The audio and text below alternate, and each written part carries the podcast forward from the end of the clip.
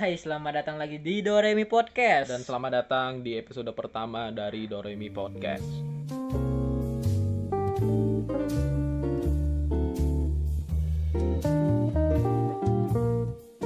Selamat datang lagi di eh, Doremi Podcast episode pertama setelah trailer.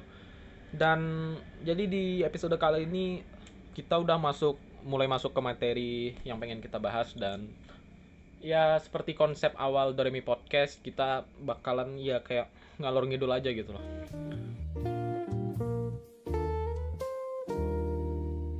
Eh, di 2020 ini banyak banget kejadian-kejadian yang terjadi gitu di Indonesia terutama. Pada awal tahun kita berdapat musibah Awal-awal dulu banjir terus ada Jakarta. perang gitu kan. Nah, Mau mau perang- mau sampai perang ada perang dunia ketiga antara dan yang dari US sana mau eh bunuh ya, bunuh jenderal Iran. Ah, Iran. ya gitulah kurang lebih. Gua nggak terlalu ngikutin sih. Terus yang di Laut Natuna Oh iya. Tuh ada ada kasus juga kan. ah, Terus yang dari awal tahun sampai sekarang yaitu corona ini hmm, sebenarnya sih pertama Indonesia, COVID-19 ya. ah, Indonesia itu nggak kena kan.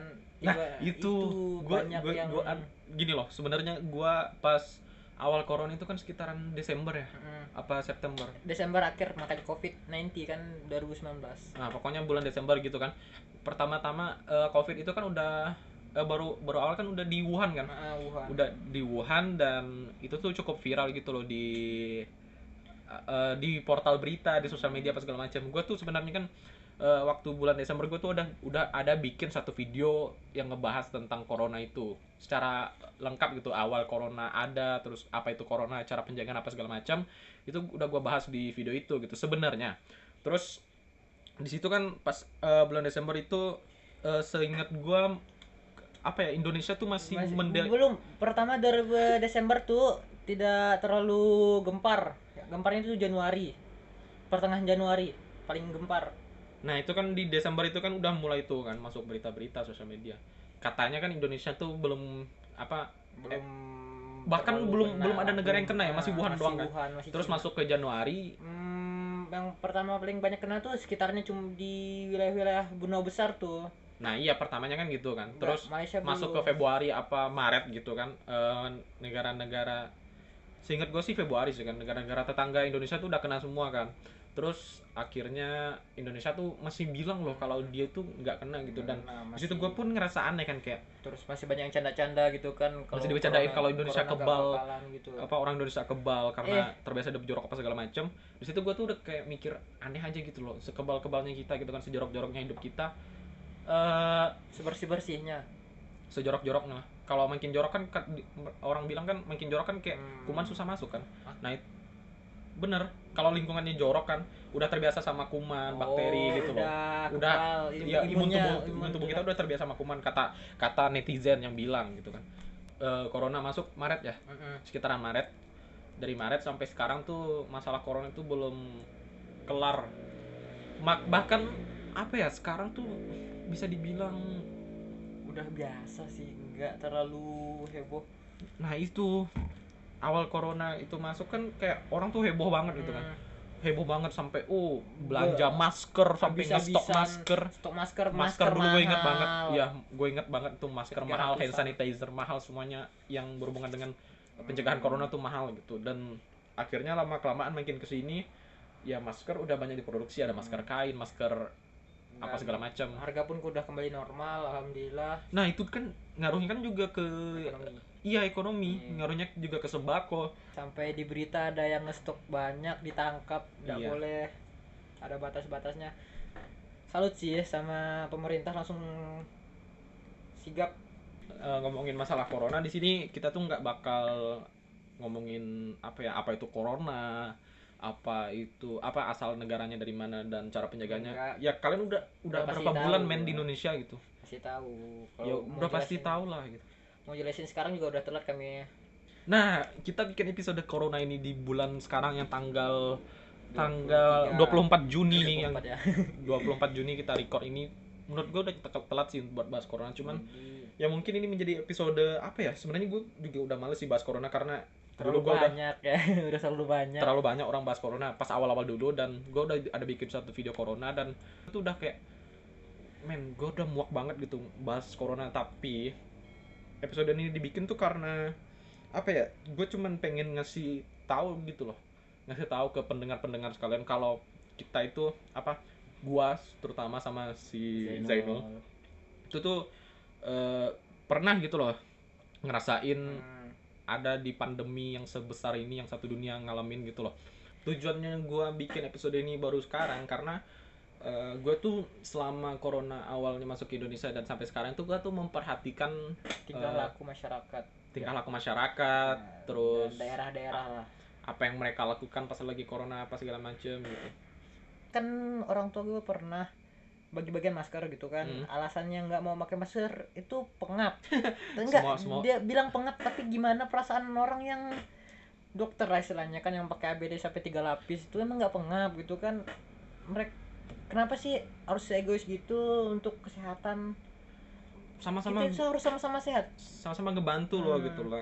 Support, yang perawat-perawat ngebantu kita kalau lagi sakit kita dirawat gitu kan. Lah kita gimana cara ngebalas baliknya selain eh, bayar gitu kan. Hmm. ya kita mencegah lah biar mereka tuh nggak terus-terusan eh, menghadapi pandemi ini gitu biar loh. cepat selesai.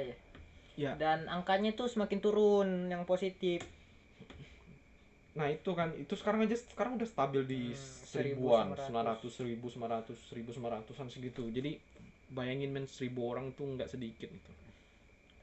Gue sebenarnya ada eh, yang pengen gue bantah gitu loh dari bukan bantah ya apa ya gue ada pikiran tersendiri yang mungkin cukup ini ya ada opini tersendiri yang mungkin cukup eh, ber berbanding terbalik dari yang normal apa? Bukan, bukan dari misalkan dari angka-angka itu gitu loh. Eh, gini loh. Eh gue ada teman salah satu teman di Bekasi. Dia tuh ada cerita eh, ada saudaranya dekat dia tinggal ada saudaranya meninggal eh, karena Sesak kena ses- bukan sesak nafas dia tuh nggak ada berhubungan sama eh, paru-paru sama sekali loh gitu antara dia kena darah tinggi apa apa gitu dia tuh udah sekitaran sebulanan gitu di rumah sakit terus dia meninggal karena darah tinggi dikuburinnya itu pakai cara eh, orang nguburin eh, kesehatan yang COVID. buat nanganin covid Hmm. gitu loh terus dia dibilang kalau dia tuh jadi pasien yang covid gitu loh. Hmm, terus gue di situ kan kayak mikir ini kan masih dari satu dari banyak mungkin banyak cerita yang Hmm. ada gitu. Itu soalnya gue kan cuman dengar dari satu teman gue doang gitu kan. Gue kan mikir kayak anjir ini orang kena darah tinggi aja dibilang covid gitu kan. Mungkin itu tuh yang bikin nambah angka-angka itu tuh jadi kayak banyak banget gitu loh. Padahal mungkin menurut gue dia belum tentu kena menurut gua nggak sebanyak itu sih yang kena covid. Hmm. kalau meninggal per tahunnya ya mungkin nat- 1900 itu stabil lah gitu. Mungkin sebelum covid ini ya mung- mungkin sekitaran segitu lah orang yang meninggal. Cuma karena lagi covid ini jadi orang yang meninggal karena selain covid dibilangnya kena covid gitu. loh. untuk jaga-jaga wala- walaupun nggak kena kan siapa tahu waktu di rumah sakit. Nah itu kan eh, oke lah kalau cara penguburannya buat jaga-jaga kan Hmm. cuman yang gua permasalahan itu kan angka-angka tadi kan Hmm, angka-angka yang kita lihat setiap harinya kan 900 ribuan gitu kan 900.000. Nah menurut gue itu yang gue permasalahan itu angka-angka ininya itu loh kayak nambah-nambah terus ya iya kan harus mungkin yang kena covid meninggalnya kena covid itu nggak itu sebanyak nggak itu sampai gitu. gitu paling 500-an 400-an gitu sebenarnya tapi kan Eh, karena yang tadi ralat ya, yang tadi 1900-an tuh bukan orang yang meninggal, itu orang yang positif kan. positif Yang meninggal tuh oh iya ya iya kan ralat kan. yang yang meninggal itu 90-an atau berapa belas, Ah, berapa puluhan gitu, nggak sampai. 100-an sih kalau yang meninggal ya. Nah, itu loh menurut gue yang gue khawatirkan selama ini karena itu tuh cerita dari teman gue langsung gitu loh, bukan dari eh, katanya siapa, katanya siapa, katanya siapa gitu. Dan ya selama sekitaran dua bulan kita karantina gitu, karantina mandiri, karantina mandiri. Self karantin gitu kalau kata anak-anak zaman sekarang. jujur ya di depan rumah gue itu ada warkop. Nah, anjir tiap hari rame walaupun masih sebelum new normal tuh. Kayak pengen gue lempar anjir. Nah itu. Risih aja soalnya di kampung orang kan nggak ngerti gitu. Siapa tahu salah satu dari mereka kena kenanya ke sekitar kampung. Kan masalah. Nah itu kan masih salah satu di antara banyak cerita kan. Kalau ngomongin eh, warung buka pas corona itu tuh dari awal pandemi sih kalau kata gue. dari awal di tu- terutama di kota yang kita tinggali sekarang ya Hmm. gua nggak tahu di daerah lain cuman gua di sini ceritain yang kita kita tuh di sini tuh nyeritain yang kita tuh eh, memiliki kredibel gitu yang kita berhak buat ceritain gitu kalau kita ngomongin eh, daerah misalkan di Tangerang gitu kita nggak tinggal di sana Jauh, gimana jauh, gitu jauh. Cukup Jadi di kita daerah sendiri. iya kita nyeritain yang sekitar sekarang sini aja Masih banyak masyarakat yang masih bandel lah nggak pakai masker keluar, malah? Kumpul-kumpul. malah kalau gua gua eh, keluar misalkan lagi lagi keluar sama si Zen ini kan gua lagi keluar misalkan ke mana gitu kita kan pakai masker kan selalu kan keluar rumah sekarang kan. Itu tuh malah kita yang aneh kayaknya gitu. Malah kita yang pakai masker tuh kayak kita yang beda sendiri gitu loh. Padahal wajib kayak kita yang pakai masker tuh dianggap wih itu apa sih takut takut sih takut kena takut kena ya Hmm. emang takut sih siapa sih yang nggak takut kena penyakit dibilang entah itu ah cupu lu gitu aja Ah. takut gitu kan kayak Gini. orang yang yang pakai masker tuh yang malah jadi eh, beda gitu loh Hmm. yang malah jadi aneh gitu harusnya kan kebalikan harusnya yang nggak pakai masker yang jadi Ah, eh, yang an- malah aneh yang gitu beda kan sendiri gitu eh, kan. di masa-masa pandemi ya gitu sih eh, keresahan gue yang gue selama ini simpen dan pengen gue sampaikan gitu. Ya angka-angka itu tadi sih gitu. Nah masa-masa pandemi ini gue mungkin keresahan gue itu cuman di orang-orang yang nggak pakai masker takut.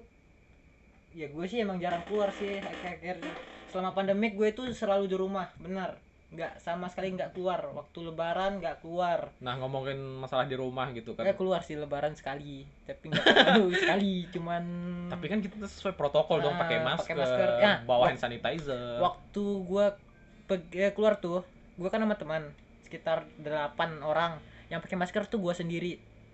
Ini gue Kan aneh, kan? aneh gitu gue sendiri pakai masker. malah kita yang aneh gitu. Rasa seperti dikucilkan. Ngomong-ngomong masalah di rumah mulu gitu kan masalah di rumah aja. Di sini tuh kita bakal eh, nyeritain kegiatan kita selama di rumah itu eh, apa aja dan efek yang efek yang kita rasakan. Apa ya dampak positif lah gitu. Yang negatif mah pasti ya nggak perlu diceritain lah gitu. nggak perlu diceritain lah yang negatif. positifnya. Yang positifnya entah kalian jadi punya hobi baru apa segala macam. Di sini Iya, coba eh, lu dulu deh gitu kan. Ya. hobi yang lu dapetin setelah setelah self karantin terus aktivitas yang lu lakuin buat ngisi waktu yang sangat super duper luang ini setiap harinya. Nggak ada kerjaan sama sekali. Itu kalau Ya, itu lu, lu isi sama apa? Ya, waktu pertama itu kan sebelum libur kan gue banyak nonton film apa kan pasti bilang ini nggak punya waktu nonton karena sekolah mulu. Terus waktu udah dikasih libur hampir banyak film yang gue tonton sekarang gue bosan. Nggak ada lagi film yang buat buat gue tonton. Jadi bosan buka HP ya? Ah, di HP tuh kayak nggak ada apa-apa YouTube apa nggak ada. Sampai film yang gue itu orangnya tipikal orang yang kalau nonton tuh cuma sekali. Nggak nggak susah sih buat diulang. Kalau buat diulang pasti kayak udah tahu ujungnya. Iya tapi karena udah nggak ada lagi film nggak ada lagi yang mau ditonton gue ulang. Gue ini dulu kan nonton anime ya emang nonton. Nggak terlalu wibu gara-gara nih libur gara nggak ada lagi yang tonton gue jadi wibu anjir. Jadi nonton mulu kan? Heeh, sampai berapa season sehari gitu kan? Mhm. nggak mungkin kalau ada drama Korea mungkin gua nonton Korea anjir. Karena gua nggak lagi ngikutin Korea ya nggak nonton. Tapi kalau kalian mungkin bisa suatu saat kita bakal nonton ya, apa nyoba ya- sih nyoba Ah, nonton drakor nonton sih yang mungkin tidak pernah kita tonton. Jadi kita tuh harus belajar Ah. menyukai hal-hal yang tidak Tidak- kita, tidak- tidak ada. lazim lah istilahnya Nggak- kan. bukan nggak lazim. Nggak yang nggak. Misalkan kita paling misalkan Ah. anti banget nih gue sama Korea tuh Wih, gitu kan. Kayak kita karena tuh- udah bosan. Gue kan kita pasti ingin mencari sesuatu yang baru. Orang yang nggak suka nonton India mau coba nonton India yang nggak suka Nah, nonton sih. Korea itu sih. kita harus nonton Korea. Denger denger lagu Korea apa sih istilahnya? Yang nggak pernah kita lakuin yang yang dulu kita bilang jijik apa itu pasti bakalan dilakuin karena udah nggak ada lagi yang mau ditonton. Nah. pasti pasti pasti. Setelah nonton ada lagi nggak? Ya paling rebahan mulu anjir. Rebahan main Ya, HP nonton TikTok ah. lah ya. TikTok ya sekarang iya. wah ya, gila sekarang TikTok, uh. anjir. di mana mana TikTok, TikTok main di TV yang anjir. biasa gua tonton aja di TV tempat acara ya acara TV gitu udah ada TikTok, acara TikTok anjir. men eh. uh TikTok terus. Iya sih ya gue jujur kayak asik aja gitu kan nonton TikTok nggak buat cuman nonton kayak ada yang referensi ada yang gue yang mau muda kan ya nah itu tuh kayak oh gila viral banget tuh apalagi selama karantina ini uh banyak banget TikTok tuh melahirkan artis-artis TikTok baru gitu yang Ah. dulunya nggak pernah buat TikTok yang yang dulunya Yang- bilang jijik apa yang dulunya bilang TikTok tuh kayak terus apa ngejilat ngejilat Ah, erodah iya, sendiri iya gitu. sih kita manusia itu memang seharusnya pasti ada di mana kita jilat lidah kita sendiri ya cuy ya tanpa kita sadari ataupun kita Ah. sadari. Nah di sini gue bakal ngob eh, ceritain aktivitas gue selama self karantin ini. Dari dari jadi dari Maret gitu kan sekitaran Maret. Awal libur eh, awal sekolah gue diliburin gue awal awalnya tuh sejujurnya bingung gitu loh mau ngapain gitu. Yang biasanya kayak aktivitasnya diisi sama sekolah kan. Dulu tuh eh gue apa ya selalu nyari nyari gitu loh yang namanya libur gitu sekarang. Kayak aduh lama banget sih liburnya Eh, Sabtu Minggu Sabtu doang Minggu, gitu minggu kan kan besoknya udah masuk lagi udah rasa aduh kayak, capek gitu. ah, sekarang tuh kayak anjir libur mulu gitu setiap harinya gitu kan. Pas awal-awal gue gue malah sekarang nonton film-film eh, lama gitu loh. Yang sempat keluar di bioskop gitu. Terus setelah nonton film eh gue sekarang lebih sering buka YouTube dan ya YouTube nggak ada lagi yang enak nggak ada yang Du- bagus cuy bagus nggak bagus tuh tergantung seberapa sering intensitas lu buka YouTube sih. Kalau makin sering sebenarnya bukan nggak bagus sih kontennya. Udah bosen aja Gak gitu. bosan kayak bukan soalnya kan bagus sih. eh gua sering tiap hari buka pagi siang malam. Paling cuma satu dua. Dulu kalau dulu tuh banyak anjir. Sehari bisa banyak. Eh, tadi aja gua nonton Tom and Jerry anjir. Karena nggak ada lagi yang tonton. video. terus gue nonton YouTube. Salah satu video yang gue tonton yang gue pantingin adalah Masterchef Indonesia men gue gue udah bilang gitu kan tadi sebelumnya kita tuh terkadang tuh harus mencoba hal-hal yang sebenarnya nggak kita sukai selama ini loh gitu. Gue kan dulu kan kayak non- nonton apa ya ada acara Masterchef itu di TV kan kayak aduh aneh banget sih drama nih drama gitu. Ujungnya gue tonton juga satu season men. 100 lebih video tuh gue tonton habis season 5 gue sampai kenal sama ini misalkan dikasih lihat foto ini namanya siapa gitu segala macamnya tuh gue kenal gitu. Kenapa nggak nonton Masterchef Junior ah junior man. Banyak cewek cantik cuy. Bukan masalah banyak cewek anjir. cantik gue gue nggak maunya nonton Masterchef Junior tuh gini. Eh, aneh aja kan kita yang nggak i- kita tuh kayak udah segede gini gitu kan. Masak aja masak telur aja kadang gosong men. Ini anak masih SD 12 12 13 tahun. 14 ada yang seumuran kita cuy. Ada yang 9 tahun malah kadang yang masaknya tuh udah kayak spaghetti with uh, saus bla bla bla bla bla gitu kan. kan. Aduh, gua tuh kadang apalagi Iri sih pasti kayak kayak anjay ini gua bisa? masak masak air aja kadang kering gitu kan. Terus gua setelah nonton Master Chef, gua eh, nonton video-video random aja di YouTube, apa yang muncul di home gua kadang gua tonton gitu. Sampai sekarang gua bosen buka YouTube apa ya kegiatan gue ya buka TikTok sih nggak bisa dipungkiri men TikTok tuh isinya waduh Emang nge-fresh otak sih ya menghibur banget sih gitu setiap harinya kita melihat goyangan-goyangan. Wadah wadah Sama wadah. pasti ada yang pemandangan. Pemandangan kayak Ya. di luar kota di luar negeri Rusia Jepang gitu kan. Gimana indahnya kota mereka? Dampak positif yang gue alami yang gue rasakan gitu selama libur gue sekarang lebih apa ya lebih Katan.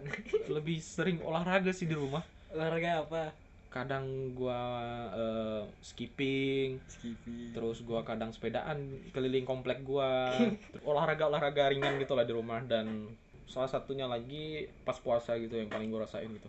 Hmm. gue tuh apa ya lebih sering ngumpul aja sih sa- eh, sama, keluarga. keluarga gitu. Karena yang dulu misa-misa itu kan misalkan kakak gua kuliah kan misa gitu kan. Sekarang kan kuliah kan diliburkan juga kan. Terus Masih ya ngumpulnya di, di rumah. Masih sih. Sampai sekarang nggak tahu deh sampai kapan maksudnya gue gitu aja sih gua. waktu bulan puasa gue mikir orang waktu masa pandemi itu masih bisa buka bersama gitu kan kumpul-kumpul. Bisa lah tinggal keluar apa apa susahnya. Enggak enggak sih enggak kepikiran aja waktu masa pandemi gitu kan nggak boleh kumpul-kumpul harus jaga jarak. Itu nggak pakai masker. Tapi gua dari awal libur sampai sekarang gua nggak kepikiran pengen masuk sekolah sama sekali sih. Ya nar udah kebiasaan libur udah kayak belajar tuh udah kayak disampingkan anjir. Ngomongin belajar gitu kan. Pas eh, selama kita libur tuh kita tuh sebenarnya nggak libur men.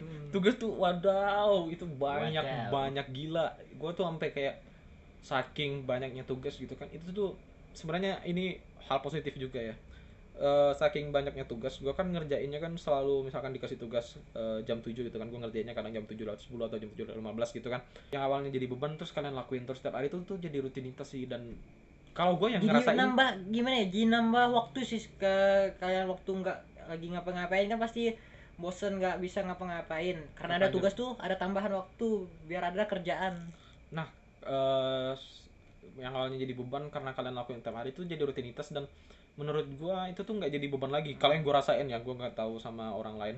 Kalau yang gua rasain karena itu gua lakuin tiap tiap hari selama seminggu aja kalian lakuin itu terus tiap hari itu tuh nggak jadi beban dan kalian tuh malah melakuinnya dengan eh, sukarela gitu.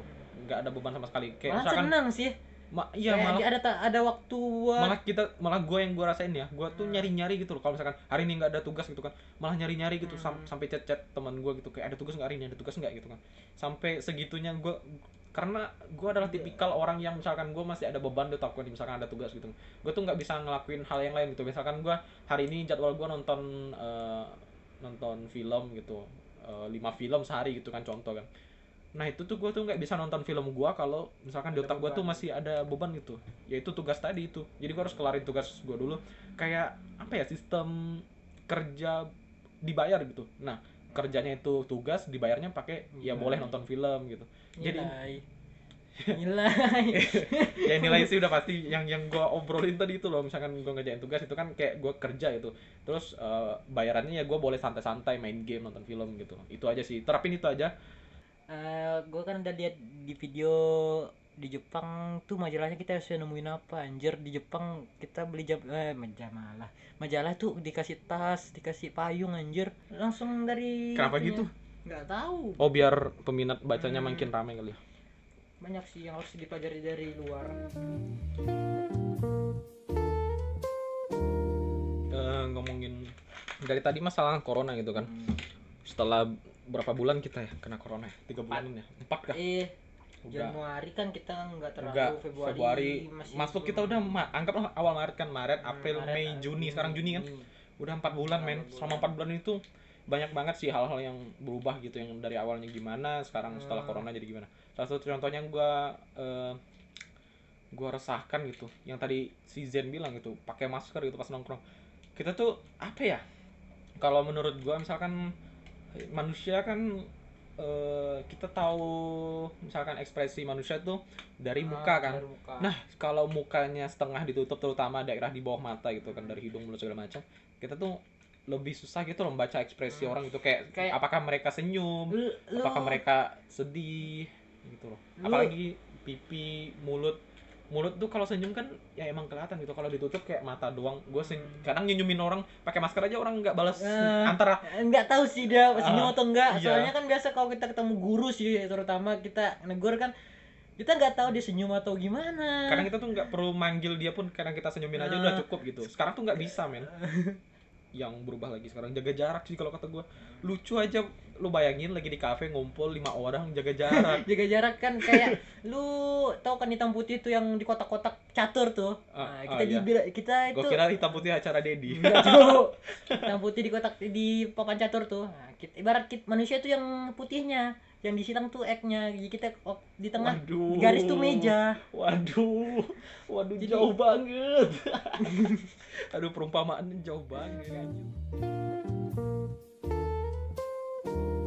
Misalkan lagi makan jaga jarak. Ya, tapi lagi nongkrong jaga jarak. mau gimana lagi kan? Lagi ngantri misalkan di bank itu udah ada jaga eh, jarak. lu ada lihat itu enggak di mana tuh di Tamben di Jawa yang pakai kayak truck racing anjir. Apa? lampu merah. Truck racing. Eh ini ya? Waktu Mostar. Mm. kan ada barat pola-pola. Oh yang gini. Ah itu Oh, anjir keren anjir. Di itu tuh gue temuin pas gua gua kan minggu lalu kan eh, ke mall gitu kan. Nggak ya karena kebutuhan sih ada yang pengen gue beli. Karena emang cuman ada di mall gua ke mall. Gua lihat di situ di depan kasirnya tuh udah kayak ada dikasih garis-garis gitu loh. Eh, misalkan itu kan di tempat umum. Itu di, Di- jalan raya anjir buat motor. Yang di lampu merah. Ah. oh gua ada lihat sih. Keren anjir. Jadi kayak balapan ya. anjir. Ada yang videonya pakai motor motor fairing lah istilahnya motor sport gitu kan. Jadi udah keren sih keren sih. kayak ngegas-ngegas gitu. Nah itu tuh gua temuin di mall tuh di depan kasirnya tuh udah ada jarak gitu loh. Di harus berdiri di belakang garis itu yang jaraknya kayaknya satu meter setengah apa dua meter gitu kalau kata gua makan ruang sih. Cuk- cukup banyak makan ruang sih jaga jaga jaga jarak gitu. Ya berubah aja sih gitu. Ini kan kita lagi ngobrolin hal-hal yang berubah gitu loh dari eh, dari yang normal setelah new normal gitu. New normal. itu aja. Mungkin Normal. lu ada kali itu apa, apa yang apa ya? Apaan yang ya, yang, buat- yang lu rasain? buat perubahan apa juga gue jarang keluar. Bukan yang lu rasain gitu loh. Yang Kan- gua yang gua rasain ya ya pasti bosan sih ya. Itu aja gitu kok balik lagi? Yang gue omongin tadi apa ya yang dari awalnya misalkan kita kehidupan normal ke setelah corona itu Oh. apa gitu yang berubah? Bukan bosen semua orang juga bosen gue juga bosen men. Awalnya ya gimana ya? Apa lagi? Nggak ada sih. Lebih pakai masker dan jaga jarak sih Hmm. sekarang. cuman dua yang paling utama buat kumpul-kumpul juga orang masih kumpul-kumpul juga dan sekarang iya sih oh iya gue ada dengar dari teman gue tuh waktu turni game online turnamen Heeh. Heeh. Eh, kan dibatas dijaga jarak buat turnenya tuh ada Hmm. satu kelompok tuh yang ngumpul Iya. terus diusir sama polisi digusur ya digusur Di- sama sama polisi katanya Disuruh sih pulang gitu. Heeh. terus malu nggak pakai masker. Oh jadi kalau pakai masker dibolehin? Heeh, pakai masker Ngumpul. jaga jarak. Oh. Jaga jarak. Setiap satu meja tuh berdua Nah, itu katanya. itu kan new normal men. Mm. kehidupan new normal. Dan sekarang kita lebih was was aja sih gitu keluar keluar rumah. Mm. bukan keluar rumah doang sih berhubungan sama manusia lain gitu. Berhubungan sosial ya bukan berhubungan besok besok juga kita bukan berhubungan yang lain dong. Berhubungan sosial gitu kan. Kayak kita misalkan lagi nongkrong gitu kan ada satu orang yang batuk gitu gitu kan kita jadi kayak deg-degan. Duduk gitu. Waduh waduh corona nih corona corona gitu kan kayak apa apa corona. jadi lebih was was aja sih kita gitu. Lebih gitu. sigap. Refleks. Jadi ya takut gitu. Dan apa lagi yang berubah? Ya banyak sih kalau yang berubah.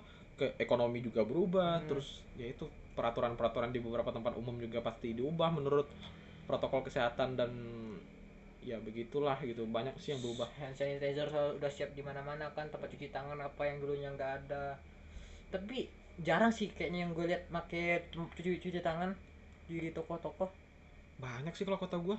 Yang Di- makainya di- jarang. tadi tadi malam barusan kita keluar ke Alfamart aja udah udah ada sih tempat tempat baru. tempatnya ada yang Oh, make yang, yang make.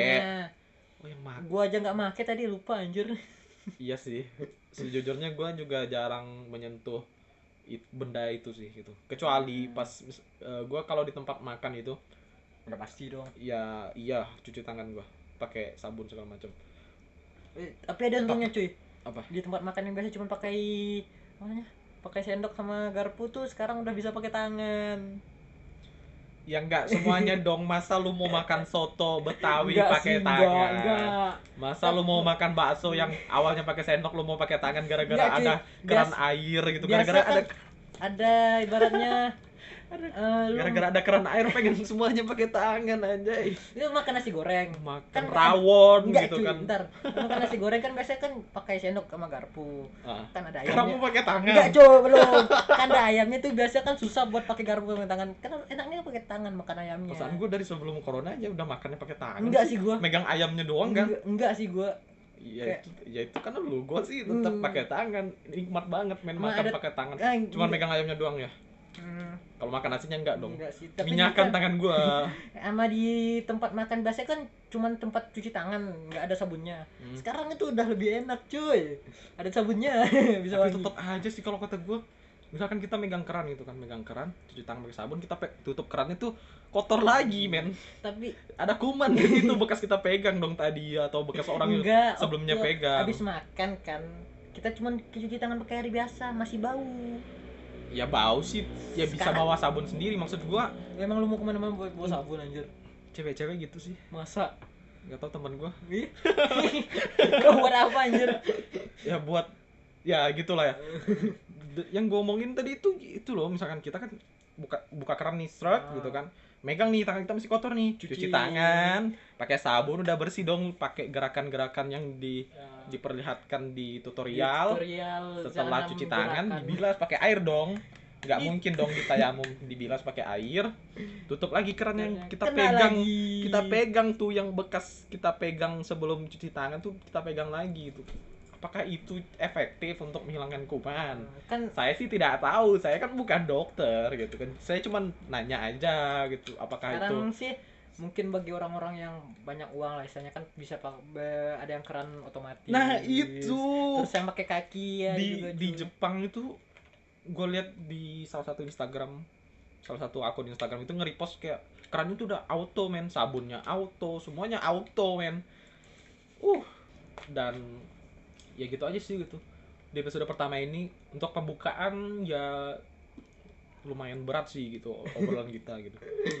Di episode selanjutnya bakal ngebahas yang berhubungan dengan eh, yang dekat lah dengan remaja yang mungkin para remaja alami gitu dan sedang merasakan atau yang ya gitu gitu deh pokoknya Ya. problematika para remaja gitu bakal kita obrolin di episode selanjutnya. Jadi tunggu aja di Doremi Podcast. Jangan lupa pantengin kami di Instagram @doremi.podcast kalian bisa follow. Terus di situ juga mungkin kalian ada yang pengen kalian ceritain pengen kalian curhatin. Hmm, yang pengen kita DM aja. bacain di podcast ini silahkan DM Ya, kalau kalau bar- mau balas DM kalian tuh masih gampang. Masih iya masih sedikit men masih followersnya masih sedikit. nol masih sekarang ya. bahkan gue aja nih yang punya Instagram. Nah. gue nggak follow Doremi Podcast gitu. Anjir, nanti lah gue follow ya. Ntar ya, ya, gue juga gak follow ya minimal dua lah gitu kan. Tenang aja kalau kalian pengen nyembunyi identitas Identitas. identitas kalian silahkan Dibilang gitu pengen- bang jangan sebutin nama Nah, gua gitu. kalau pengen disebutin namanya bilang aja. ya silahkan kalau mau manjat itu kan. Ya kita siapa sih mau dipanjatin? Followers nol. Yang denger juga kita kita doang gitu kan. Yaudah iya tadi kita belum sempat kenalan di awal. Udah astaga. Cu Eh, belum. ada. Gua ada. nggak kenalan ada. Ada ada. Enggak cuy. Ada. Ya kita kenalannya di akhir aja lah. Iya. ya semoga kalau ya, enggak gini kita eh, jaga-jaga. Kalau misalnya ada nanti ya enggak enggak apa-apa sih. Daripada makin nambah Panjang durasi gitu, kan kan, makin panjang berapa gitu. jam gitu kan baru beberapa menit anjir. Udah- hampir sejam dan ya tetap di Doremi Podcast, Podcast, stay tune dan- terus di sosial media kita semuanya dan Ya. dia Zainul. Dia Yayan. Sampai jumpa di episode selanjutnya